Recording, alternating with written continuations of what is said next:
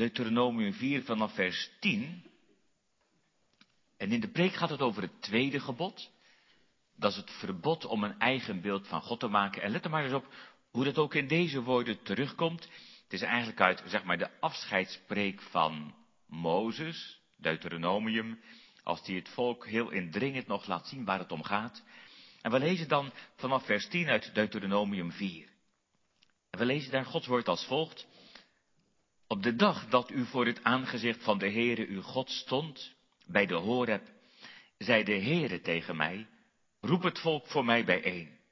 Dan zal ik hun mijn woorden laten horen, die ze moeten leren, om mij te vrezen. Alle dagen dat ze op de aardbodem zullen leven, en die ze ook hun kinderen moeten leren.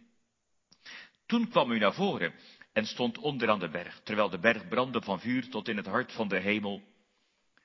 Er was duisternis en er waren donkere wolken. En de Heere sprak tot u vanuit het midden van het vuur. Dat was van alles te zien, maar hij sprak. Het geluid van de woorden hoorde u. Maar een gestalte zag u niet. Er was alleen een stem. Hij maakte u zijn verbond bekend. Dat hij u bevalt te doen, de tien woorden. En hij schreef die op twee stenen tafelen. En mij gebood de Heere in die tijd om u verordeningen en bepalingen te leren om die te doen in het land waar u naartoe trekt om het in bezit te nemen. U moet omwille van uw leven zeer op uw hoede zijn. U hebt immers geen enkele gestalte gezien op de dag dat de Heere bij de Horeb tot u sprak, vanuit het midden van het vuur, dat u niet verderfelijk handelt en voor u een beeld maakt. Een afbeelding van enig afgodsbeeld, de vorm van een man of vrouw. De vorm van enig dier dat op het land leeft. De vorm van enige gevleugelde vogels die door de lucht vliegen. De vorm van iets wat op de aardbodem kruipt. Of de vorm van enige vis die in het water onder de aarde leeft. Pas er ook voor op dat u uw ogen niet opstaat naar de hemel en de zon en de maan en de sterren ziet heel het leger aan de hemel en u laat verleiden om u voor hen neer te buigen en hen te dienen. De Heere uw God heeft hen aan al de volken onder de hele hemel toebedeeld. Maar u heeft de Heere genomen en uit de ijzeroven uit Egypte geleid, om voor hem tot een erfvolk te zijn, zoals het op deze dag is. Tot zover. We lezen ook uit de catechismus, zondag 35. Zondag 35, en dan gaat het over het tweede gebod. Vraag en antwoord 96 tot en met 98. En we lezen dan, wat eist God in het tweede gebod? Dat wij God op geen enkele manier afbeelden en op geen andere wijze vereren dan Hij in zijn woord bevolen heeft. Dus weer dat woord. Mag men dan gans geen beelden maken? God kan nog mag in geen wijze afgebeeld worden, maar de schepselen, al is het dat ze mogen afgebeeld worden, zo verbiedt toch God hun beeldenis te maken en te hebben om die te vereren. Of God daardoor te dienen. Maar zou men de beelden in de kerk als boeken van de leken niet mogen dulden? Nee, want we moeten niet wijzer zijn dan God. Die zijn christenen niet door stomme, dat we zeggen zwijgende beelden, maar door de levende verkondiging van zijn woord wil onderwezen hebben. Het thema voor de preek is geen eigen beeld van God. Geen eigen beeld van God. Het tweede gebod. Zondag 35. Gemeente, het eerste gebod is duidelijk. Geen andere goden. Met andere woorden, alleen de Heere. We hebben het daar al over gehad, een van de vorige keren. Het tweede gebod gaat daarmee verder. Geen eigen beeld van God. Je zou kunnen zeggen, hier gaat het over de vraag hoe wij God zullen dienen. Dat Soms wordt dat eerste en het tweede gebod samengenomen, bijvoorbeeld ook in de Rooms-Katholieke traditie, dat laat ik nu verder rusten. Laat ik het gebod op zich nog een keer noemen. Het tweede gebod. Dan staat er in Exodus 20, u zult voor uzelf geen beeld maken, geen enkele afbeelding van wat boven in de hemel of beneden op de aarde of in het water onder de, onder de aarde is. U zult ze daarvoor niet neerbuigen en die niet dienen, want ik, de Heere uw God, ben een naijvere God, die de misdaad van de vaderen vergeldt aan de kinderen, aan het derde en het vierde geslacht van hen die me haten, maar die barmhartigheid doet aan duizenden van hen die me liefhebben en mijn geboden in acht nemen.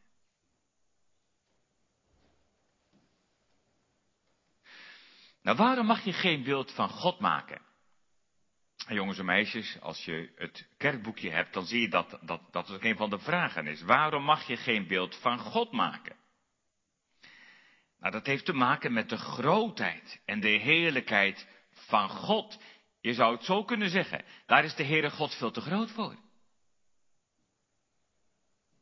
Als mensen een beeld van zichzelf maken, dan maken ze graag een beeld dat net een beetje groter en mooier is dan je zelf bent.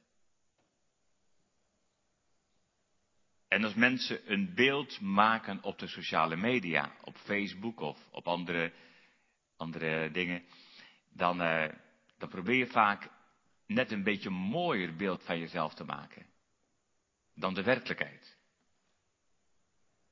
Maar dat, als, als het over God gaat, dan is er geen enkel beeld groot en goed genoeg. In werkelijkheid is ieder beeld dat je van God zou maken een belediging van God. Alsof hij met zo'n beeld te vergelijken is. Hij is de schepper van hemel en aarde. Hij is de eeuwige God. Hij heeft alle macht in hemel en op aarde. En dan hoor ik ook Jezaja. In hoofdstuk 40, met wie zou u God willen vergelijken? Of Psalm 89, die we gezongen hebben. Wie is aan u gelijk? Wie kan u evenaren? Dus geen beeld, want daar is God te groot voor. Dat tweede gebod heeft dus alles te maken met een besef van de majesteit en de heiligheid van God. Dat tweede gebod leert ons, om zo te zeggen, een heilig beven voor God. Weet je wel wie God is? Dat zegt het tweede gebod eigenlijk. Wie is aan u gelijk? En het tweede gebod leert ons ook bescheidenheid en voorzichtigheid. Denk niet dat je alles weet van God. Doe niet net alsof je God als het ware in je zak hebt zitten. Of dat nou van de oppervlakkige kant of van de degelijke kant is. Doe dan niet alsof je alles begrijpt van God. De Heere God wil aanbeden worden zoals Hij is. Niet omdat je Hem zou kunnen begrijpen of narekenen. Maar Hij wil aanbeden worden omdat Hij is zoals Hij is. Ik ben die ik ben. Jawel, zegt de Heere. Het, het tweede gebod wil ze van doordringen. De Heere is God en wij niet. Hij is God en wij zijn mensen. Wij zijn schepselen van God. Wie zijn wij dat wij een beeld van God zouden kunnen maken? Toch kun je daar dan ook doorschieten. Soms dan, dan spreken mensen over God als de gans andere. En dan leggen ze zo de nadruk op het anders zijn van God, dat het lijkt alsof je niets van God kunt weten. Maar zo ligt het in de Bijbel niet. Dat horen we meteen al in antwoord 96. Er staat dan ja, dat we God op geen enkele manier afbeelden of, of, vereren, maar dat het dan Hij in zijn woord bevolen heeft. Met andere woorden, je kunt wel iets over God weten. In zo'n woord. Daar beveelt hij dingen, daar zegt hij dingen. Hij maakt zich bekend, hij maakt ook zijn wil bekend in de Bijbel. En daarom is die heilige schrift zo ongelooflijk belangrijk. Als je iets van God wilt weten. Dus geen eigen beeld van God, maar wel het woord van God. Dat was ook de grondtoon in Deuteronomium 4. Daarom was dat ook de schriftlezing. Dus geen beeld dat je kunt zien en voelen en aanraken.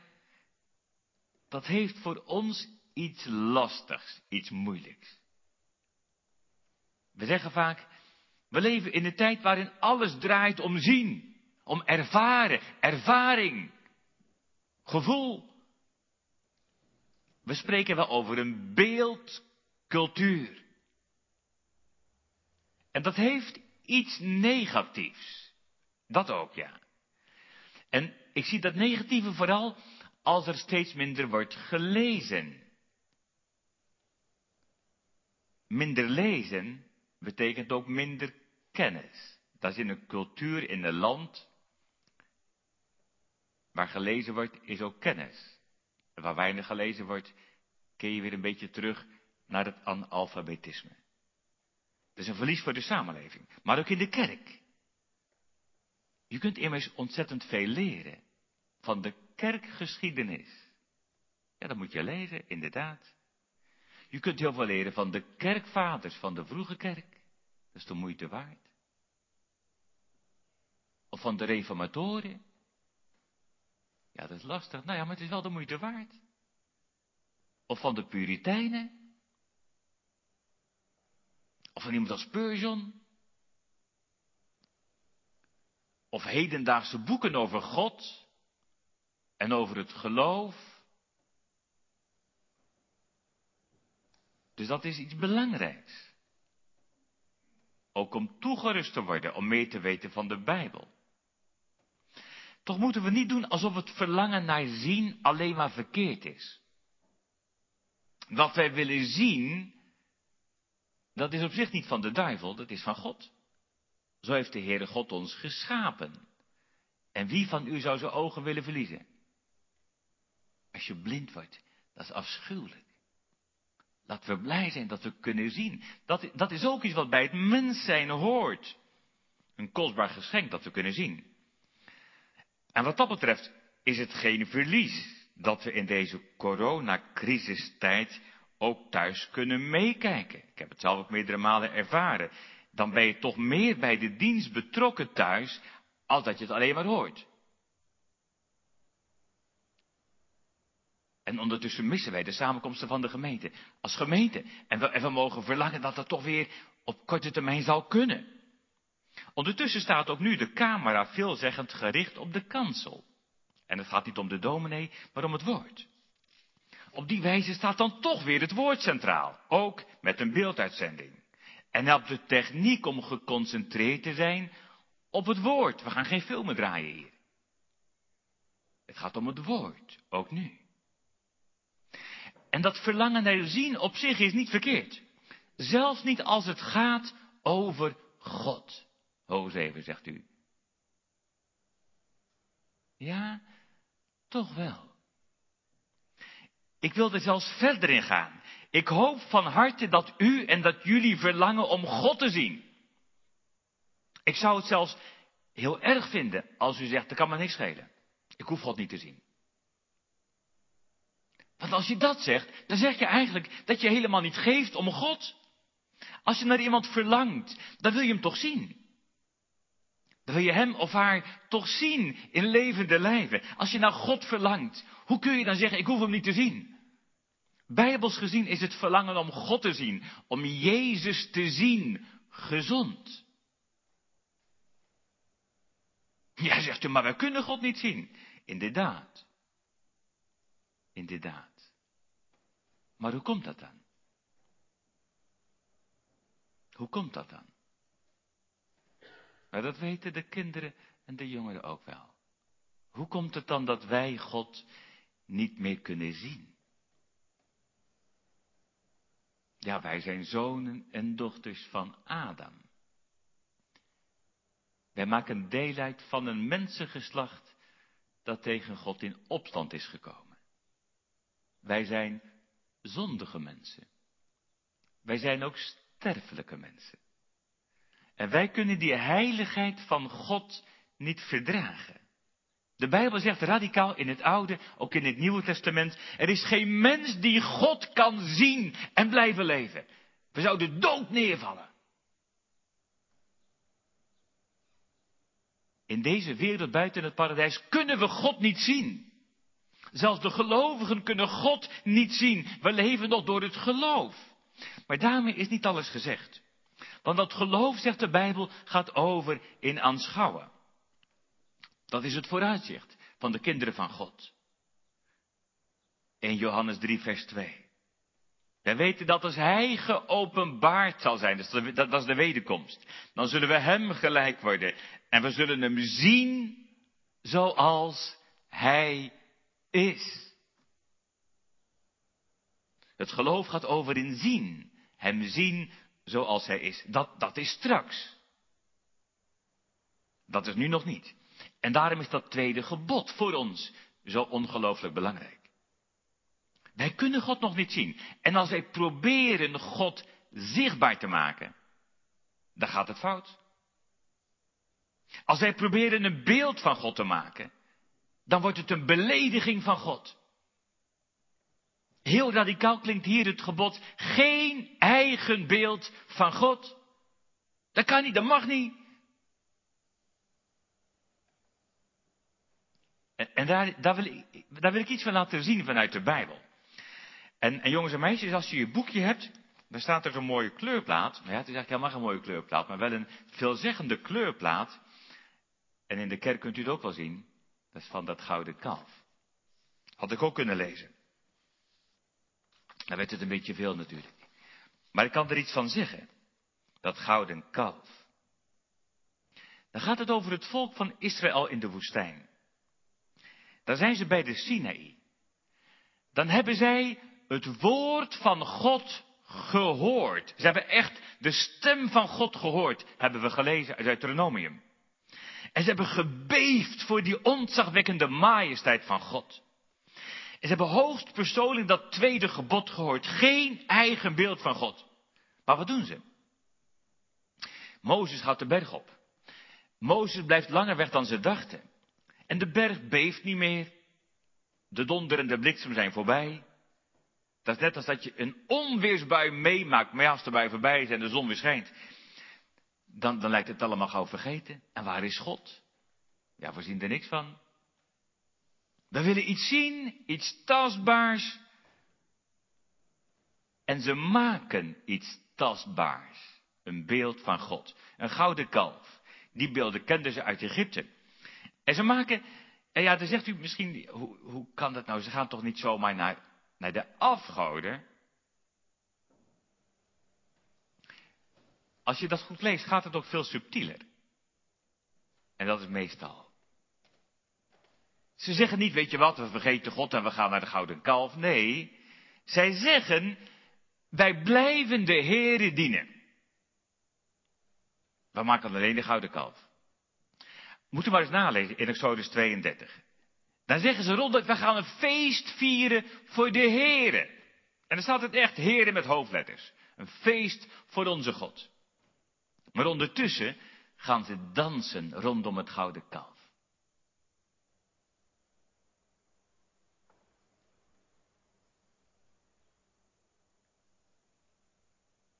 En let dan eens op wat God daarvan zegt.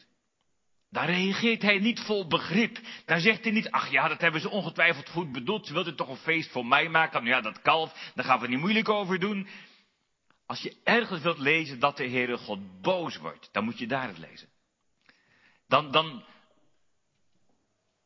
dan ontbrandt hij in een heilige toren. Dan dreigt hij met verterend vuur.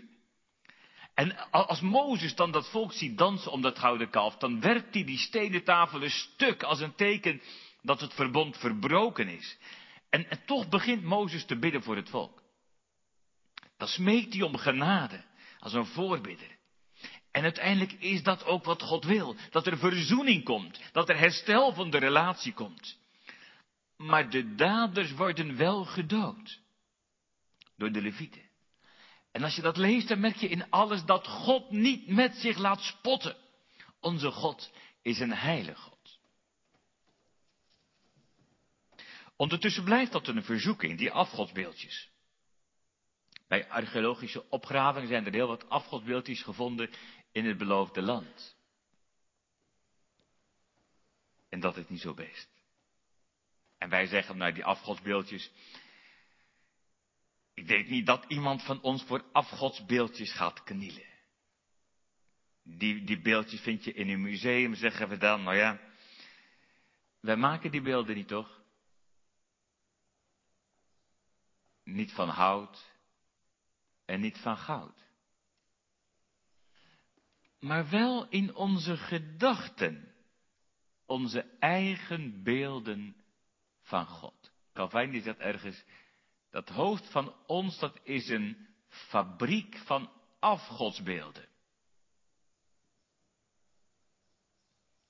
Laat ik er maar voorbeelden noemen. Bijvoorbeeld een God die je altijd helpt om jouw eigen wil te doen. Jouw eigen plannen te realiseren. God die altijd aan jouw kant staat. In plaats van de Bijbelse God, die je leert om je wil te kruisigen. Niet mijn wil, maar uw wil. Bijvoorbeeld het beeld van een God die je succesvol maakt en die je geld belooft en gezondheid. We noemen dat het welvaartsevangelie, wat ook in onze tijd enorm opgeld doet. In plaats van het evangelie van het kruis. Het kruis. Als het kruis verdwijnt uit het denken, dan verdwijnt Christus eveneens. Een ander voorbeeld. God als een torenend wezen voor wie je alleen maar bang kunt zijn. Terwijl de Bijbelse God juist alle vertrouwen wekt, de Hemelse Vader. Of het beeld van God als een oude opa die alles goed vindt en die alleen maar aardig gevonden wil worden. In plaats van de Bijbelse God die de zonde haat en straft en die het kwade niet accepteert, en die niet toelaat dat het kwade het goede overwint. Of het beeld van God als een sikkeneurige zuurpruim, bij wie het nooit goed doet. Het is altijd tekort en altijd dit. In plaats van de Bijbelse hemelse Vader, van wie we zingen, loof hem die u al wat ge hebt misdreven, hoeveel het zij, genadig wil vergeven. Of God als een machteloze toeschouwer, die wel medelijden heeft, maar die je niet echt kan redden. Of God als een donker noodlot, bij wie je nooit weet waar je aan toe bent. Of een beeld van de God die niet moeilijk doet over de zonde. Alsof het niet uitmaakt wat hij in zijn woord zegt over huwelijk en seksualiteit. Wat maakt het allemaal uit als je, als je je maar goed erbij voelt? In plaats van wat de Bijbel zegt en wat de Heere zelf daarover zegt, over het huwelijk van man en vrouw. Of een beeld van een God die zich moet aanpassen aan wat de wetenschappers hebben uitgedacht. Een God die zich voor het karretje van de evolutietheorie laat spannen. In plaats van de Bijbelse God die onze vooronderstellingen ook in de wetenschap onder kritiek stelt. Of, of een beeld van een God die tevreden is als je maar je plichten nakomt. Vrome woorden, vrome offers, een vrome schijn, zonder dat je bijvoorbeeld geeft om je naaste. Afgelopen week las ik iets van Jezaja 58. Daar gaat het over een vasten, nou dat is nog wel mooi, vasten, maar zonder dat je breekt met de zonde. Of een beetje vrij vertaald staat er dat je wel vroom kunt praten over de coronacrisis en precies kunt vertellen wat je er allemaal van moet leren. Terwijl je bijvoorbeeld helemaal niet geeft om mensen die op dit moment heel concreet honger lijden door de coronacrisis. Je laat ze ook letterlijk sterven.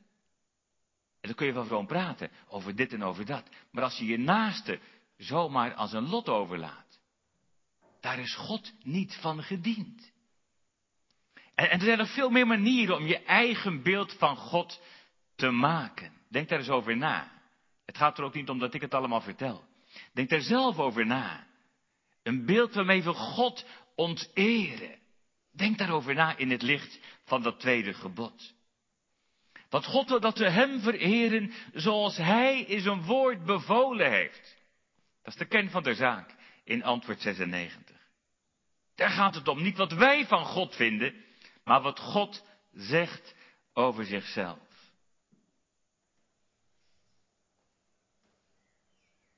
Weet u wat het, het vreemde, maar ook wel het mooie is? Wij denken vaak dat God een beetje moet zijn zoals wij vinden dat hij zou moeten zijn. Denken we het anders dan, uh, dan gaat het niet goed. Maar de Heere God is echt niet zo als wij vinden dat hij zou moeten zijn. En dan, dan denken we, nou, dan zal het dan wel goed gaan.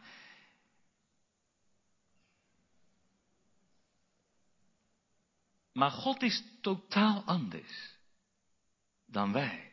Dat heeft iets, dat heeft iets engs. Want wij hebben daar geen grip op. Maar dat is precies wat God wil. Dat je die grip op God kwijtraakt. Want God laat zich echt niet manipuleren. Want Hij is God. En soms begrijpen we helemaal niets van Hem. En soms zijn we verbaasd. Soms zijn we verbijsterd over God. Maar het wonder is dat Hij ten diepste nooit tegenvalt.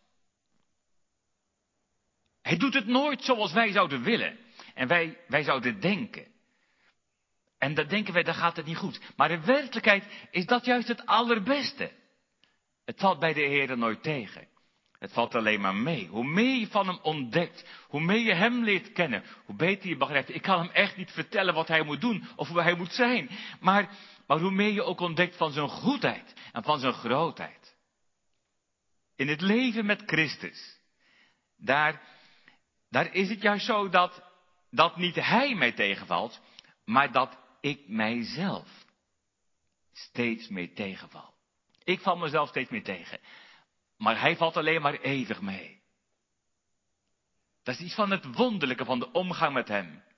Dan denk ik, oh, is dat wel zoals ik wil? Nee, ik val mezelf steeds meer tegen. En hij valt alleen maar eeuwig mee. Hij is veel beter en groter en machtiger en liefdevoller dan ik ooit had gedacht. Hoe weet ik dat dan? En hoe kun jij dat weten? En u? Hoe weet je dat nou? Dat God beter is dan je dacht. Dat laat hij zien. Zien? Dat laat hij zien, ja. Toch weer, toch weer overzien. We hebben wel eens over het openen van de ogen. De Heilige Geest die de ogen opent. Hij laat het je zien. Toch weer dat zien.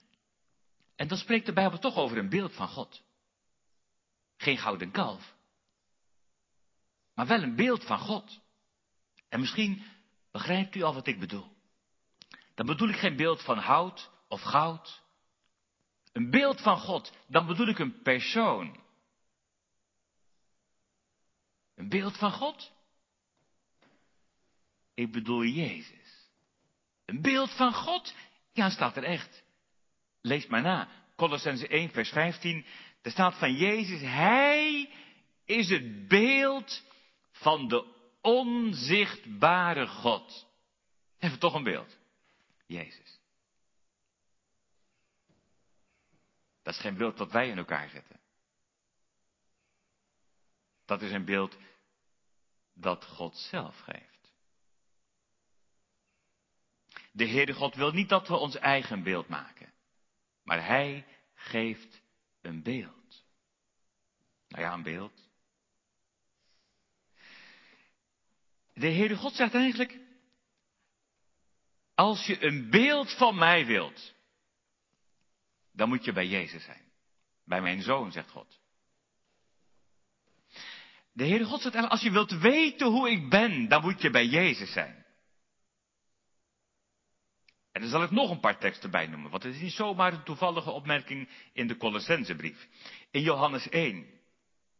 Johannes 1 vers 18, daar zegt daar zegt het woord, niemand heeft ooit God gezien. We kunnen God niet zien. Maar staat er, de enige geboren zoon die in de schoot van de vader is, die heeft hem ons verklaard. En dan een stukje verder, dan gaat het nog veel verder. Johannes 14, vers 9. Een van die laatste gesprekken vlak voor Goede Vrijdag en Pasen en Hemelvaart. En dan zegt de Heer Jezus, nou ben ik al zo lang bij jullie. En hij zegt, ik ken je me nog niet. En dan zegt hij, wie mij gezien heeft, die heeft de Vader gezien. Jezus is het beeld van God. En daar zie je zijn liefde. Je ziet zijn macht. Je ziet zijn grootheid. Je ziet hoe lief hij zijn vader heeft. Je ziet hoe Jezus het kwaad ontmaskert. Je ziet hoe Jezus de zonde haat.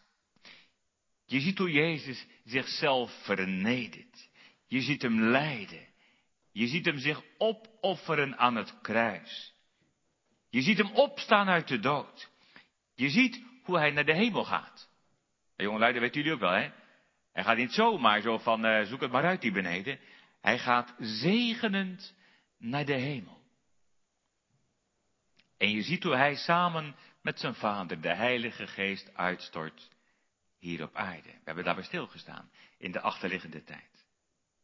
En wat we ook over Jezus denken, in alles zien wij hoe Hij het verloren nu zoekt. Niet om het verloren te laten, maar om het te redden. Dat hij uit is op verzoening, op redding, op bekering, herstel van de relatie. Zie op Jezus. Zie het lam van God. Zo is Jezus. Zo is God. Geen eigen beeld. Maar Jezus is het beeld van God. En dan vragen mensen soms, mag je dan ook een afbeelding van Jezus maken? Nou, een foto kan natuurlijk niet meer. Zou dat vroeger hebben gemogen als ze toen konden fotograferen? Ik weet het niet. Er is over gediscussieerd in de loop van de kerkgeschiedenis. Want Jezus is waarachtig God en je mag van God geen afbeelding maken. Maar ja, zegt een ander, hij is wel echt mens geworden. En je kon hem gewoon zien. En je kon met hem spreken. Je kon bij wijze van spreken toch een foto van hem maken of een schilderij. We hebben thuis bijvoorbeeld een, een wandkleed. Een keer van mijn zus gekregen toen ze in China was. En daar staat de Heer Jezus op. In zo'n bootje in die storm, hoe hij de storm gebiedt. En ik heb er nog wel eens voor gestaan, als het stormde bij mijzelf. Zo kun je ook voor jezelf een plaatje van Jezus hebben uit de kinderbijbel. Jezus als de goede herder waar je soms heel veel aan hebt gehad, of nog steeds. Die plaatjes kunnen betekenisvol zijn. Als wij die plaatjes maar niet vereren. Dat is in ieder geval wat ook de catechisme zegt. Nooit om daarmee God te vereren. En als je die, die vragen wat doortrekt naar onze tijd, dan, dan komen er ook vragen, ook bij de jongeren wel eens, maar ook bij ouderen, over Jezusfilms. Mag dat dan? Ik weet van evangelisatiewerk waarin ze gebruik maken van Jezusfilms.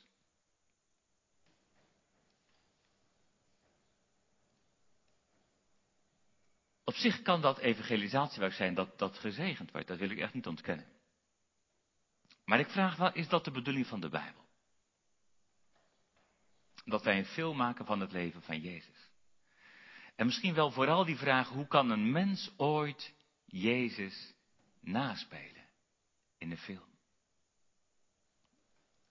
Ik heb er heel veel moeite mee. En als we kijken naar de catechismus, dan is ook antwoord 98 best wel veelzeggend. Daar wordt gewaarschuwd voor beelden in de kerk. Dat gaat natuurlijk over beelden van Christus of van Maria. Maar je kunt ook denken aan allerlei toneelvoorstellingen, die hadden ze in die tijd, in de Roomse kerk. Passiespelen, ook kerstspelen, hele toneelstukken in de kerk.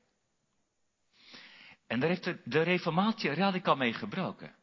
Geen toneel en geen, geen films in de kerk. Dat is niet de bedoeling om het evangelie te verspreiden.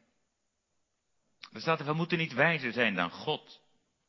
Die zijn christen niet door stomme, dat zijn zwijgende beelden, maar door de levende verkondiging van zijn woord onderwezen wil hebben. Dus ook dan geen, geen eigen beeld van God, maar wel de verkondiging van zijn woord.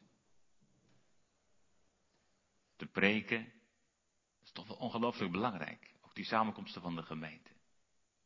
Ook om thuis erbij betrokken te blijven. Maar natuurlijk ook als je zelf het woord leest, om bij dat woord te leven. Bij het vlees geworden woord, bij Jezus. Dat beeld van God. In wie dat woord vlees en bloed krijgt. De verkondiging van Christus. En dan merk je al dat dat tweede gebod ook grondpatronen blootlegt die belangrijk zijn in het koninkrijk van God. In het Oude Testament staat er dus al, wat ook in het Nieuwe Testament wordt doorgetrokken. Geen eigen beeld, maar wel de prediking van het evangelie. En dat, dat laat Jezus, die het beeld van God is, ook zien. Dat merk je als je ziet hoe hij rondtrekt. De kern van zijn bediening is en blijft de prediking, het onderwijs, het openen van de schriften. Dat merk je ook als het Pinkster wordt, als de Heer Jezus naar de hemel gaat en als de Heilige Geest komt. Want waar die geest wordt uitgestort, wordt er geprofiteerd. En ik heb al uitgelegd, dat is niet alleen preken. Het kan het profiteren zijn zonder dat er van preken sprake is. Op die Pinksterdag zijn er waarschijnlijk 120 die profiteren en er is er maar één die preekt. Dus je kunt nooit zeggen dat profiteren altijd preken is. Dat is het gewoon niet. Maar wel dat het woord open gaat, dat die grote daden van God worden gesproken. Daar zie je dus ook dat het woord open gaat. Het is wel spectaculair wat er gebeurt op de Pinksterdag. Maar het is niet een een of andere, een, een, een of andere wonderdienst of een genezingsdienst of wat, wat dan ook maar. De schriften gaan in de eerste plaats open. En Christus wordt verkondigd. En die grote werken van God worden er allemaal gesproken. Dat is een grondpatroon. Ook in de boek Handelingen. Hoe breidt die christelijke gemeente zich uit? Dat is weer door middel van het woord. Door middel van die verkondiging. Maar ook door het getuigenis van de christenen in woord en daad. Maar nooit alleen de daad. Altijd met het woord erbij. En je hoort die, diezelfde grondpatronen ook in de brieven van het Nieuwe Testament. Ik denk aan de Korinthebrief. Er staat, hoe heeft het God behaagd om mensen zalig te maken? Er staat er in 1 Korinthe 1, vers 21 en verder. Door de dwaasheid van de prediking. Dus er staat niet dus ook een goede dominees, nee, maar wel door dat middel van die prediking. Ik denk aan de Romeinenbrief, Romeinen 10, vers 14 tot 17. Dan is het geloof uit het gehoor en het gehoor door het woord van God. En dan gaat het echt over de prediking. En ook over het getuigenis van dat woord. Daarom staat de preekstoel centraal in de protestantse kerken. Nou trouwens ook in de vroege kerk, de tijd van Augustinus, stond echt de preekstoel centraal. Als een teken dat het woord centraal staat. En daarom is het zorgelijk als de kansel uit het centrum verdwijnt.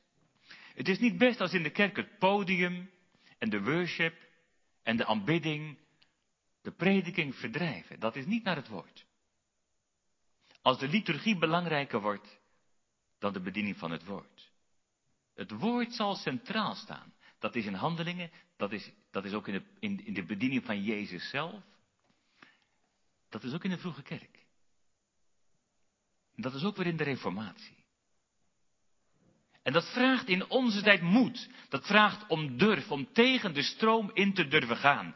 En dan vraag ik ook nu, durven wij het te wagen met het woord?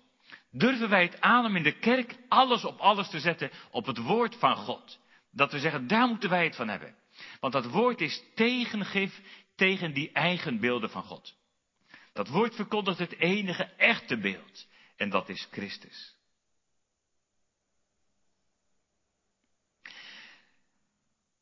En daarbij horen we ook die waarschuwing. Daar wil ik toch nog iets over zeggen. Die waarschuwing bij het tweede gebod. Want die roept ook wel eens vragen op. Er staat dat hij de misdaad van de vader vergeldt aan het derde en het vierde geslacht van hen die hem haten. En als je dat hoort, dan denk je wel eens, hoe kan dat nou, hè? Betekent dat nou dat kinderen worden afgerekend op wat hun ouders hebben gedaan? Moeten de kinderen boeten voor de goddeloosheid van hun voorgeslacht? Het eerste wat we hier moeten bedenken, het gaat over degenen die de Heere haten. Dus die waarschuwing heeft betrekking op kinderen die doorgaan met de zonden van hun ouders. De Bijbel geeft een, een overvloed aan voorbeelden van kinderen die goddeloze ouders hadden, maar die zich bekeerden en die worden niet gestraft om de zonde van hun ouders. Integendeel, die worden gezegend. Dus kinderen die zich bekeerden worden niet gestraft om wat hun ouders deden. Ten liefste wordt ieder voor zijn eigen schuld gestraft. Maar die waarschuwing is vooral bedoeld voor de ouders. Het maakt heel veel uit hoe je als ouders je kinderen voorgaat, of je kleinkinderen. Of je ze voorgaat in de liefde van God of niet. Als je zelf bijvoorbeeld ontrouw bent in de kerkgang, dan ben jij mede verantwoordelijk als jouw kinderen later niet meer gaan. Als je zelf niet laat merken dat je dat woord belangrijk vindt, dan is het mede jouw schuld als je kinderen die Bijbel dichtlaten. Als je zelf geen biddend leven leidt en je kinderen zien dat niet aan jou, dan ben je mede verantwoordelijk als jouw kinderen niet meer bidden. Als je zelf het slechte voorbeeld geeft, dan ben je mede verantwoordelijk als je kind op de brede weg verder gaat. Want je hebt hem zelf op de brede weg gezet. Dan kun je de schuld niet aan God geven. Dat is iets aangrijpends. Dat God dus tot in het derde en het vierde geslacht van hen die hem haten, de zonde bezoekt, straft. Maar tegelijk klinkt er ook die belofte. Barmhartigheid aan duizenden van hen die hem liefhebben en zijn geboden onderhouden. En dat is ook bedoeld om tegenover elkaar te zitten. Drie en vier geslachten of duizenden. En dan voelt u wel aan, die duizenden zijn er veel meer dan die drie of vier. Met andere woorden, de barmhartigheid van God is groter dan zijn toren. Misschien heb je een oneerlijk beeld van God. Dat je denkt, dat is niet eerlijk wat de Heere God doet. Nou, dat beeld wordt in ieder geval in stukken geslagen. Loof Hem. Loof de Heere, want Hij is goed. Dat laat Hij horen in zijn woord. Dat laat Hij zien in zijn Zoon. Of zie je Hem nog niet? Hoe meer je van Hem ziet, hoe meer je ook wilt zien. En dan kom ik nog één keer terug op dat gouden kalf. Want in die geschiedenis horen we ook iets heel moois over het zien van God. En dat bedoel ik niet het gouden kalf. Maar juist dan zien we Mozes. Als hij gebeden heeft voor het volk. Als een voorbidder voor het volk. En wat zegt Mozes dan? Als hij heel dicht bij de Heer is. Exodus 33, vers 18. Daar zegt Mozes, toon mij uw heerlijkheid. Nou, dat begrijpen we allemaal, de kinderen en de jongeren en de ouderen. Dan zegt Mozes eigenlijk, Heere God, mag ik u zien? Mag ik u zien? Toon mij uw heerlijkheid. En dan zegt de Heere God, ja, maar niemand kan mij zien en leven. Dat staat er ook. En, en, en toch neemt de Heere God het hem niet kwalijk. Want hij vervult het maximaal. Voor zoveel het kon. Mozes kreeg wel iets te zien. Toon mij uw heerlijkheid. Ik wil u graag zien, Heere God. En toch moet Mozes nog geduld hebben. Hij moet nog leren leven door het geloof. Hij krijgt die volle heerlijkheid nog niet te zien. Dat kan nog niet. Dat kon ook Mozes nog niet verdragen. En toch zien we daar het geloof dat roept tot hem. Toon mij uw heerlijkheid. Heer Jezus, mag ik u zien? Want het geloof verlangt om hem te zien. Maar het geloof moet nog geduld oefenen. En toch gaat dat geloof over in aanschouwen. Dan zal ik hem zien zoals hij is. En ik hoop dat u erbij zult zijn en jullie. Dat we met elkaar hem zullen zien zoals hij is. En dat je daar niet buiten staat. Dat we hem zullen zien. Ik zal ontwaakt uw lof ontvouwen. u in gerechtigheid aanschouwen, verzadigd met uw goddelijk beeld. Amen.